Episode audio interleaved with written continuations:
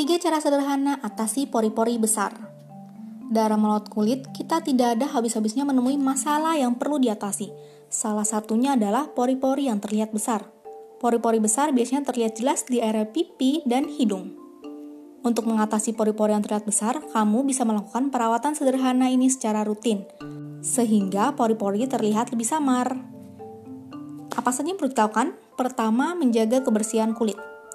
Jika kamu mengalami masalah pori-pori besar, maka satu hal penting yang perlu dilakukan adalah menjaga kebersihan kulit kamu. Hal ini disebabkan penyebab utama pori-pori terlihat besar adalah kotoran dan minyak yang tertumpuk pada wajah. Jika tidak ditangani dengan benar, ini justru akan menjadi komedo, bahkan jerawat. Oleh karena itu, baiknya kamu mencuci wajahmu maksimal dua kali sehari, pada pagi dan malam hari.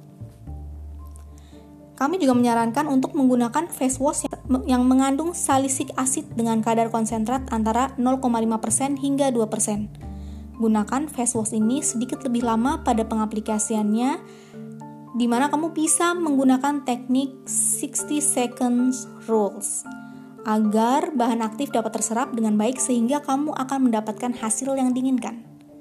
Kedua, rutin eksfoliasi. Hal penting yang perlu kamu lakukan untuk mengatasi pori-pori besar adalah rutin melakukan eksfoliasi. Kamu bisa melakukannya dengan cara kimia maupun fisikal tergantung jenis produk yang kamu pilih.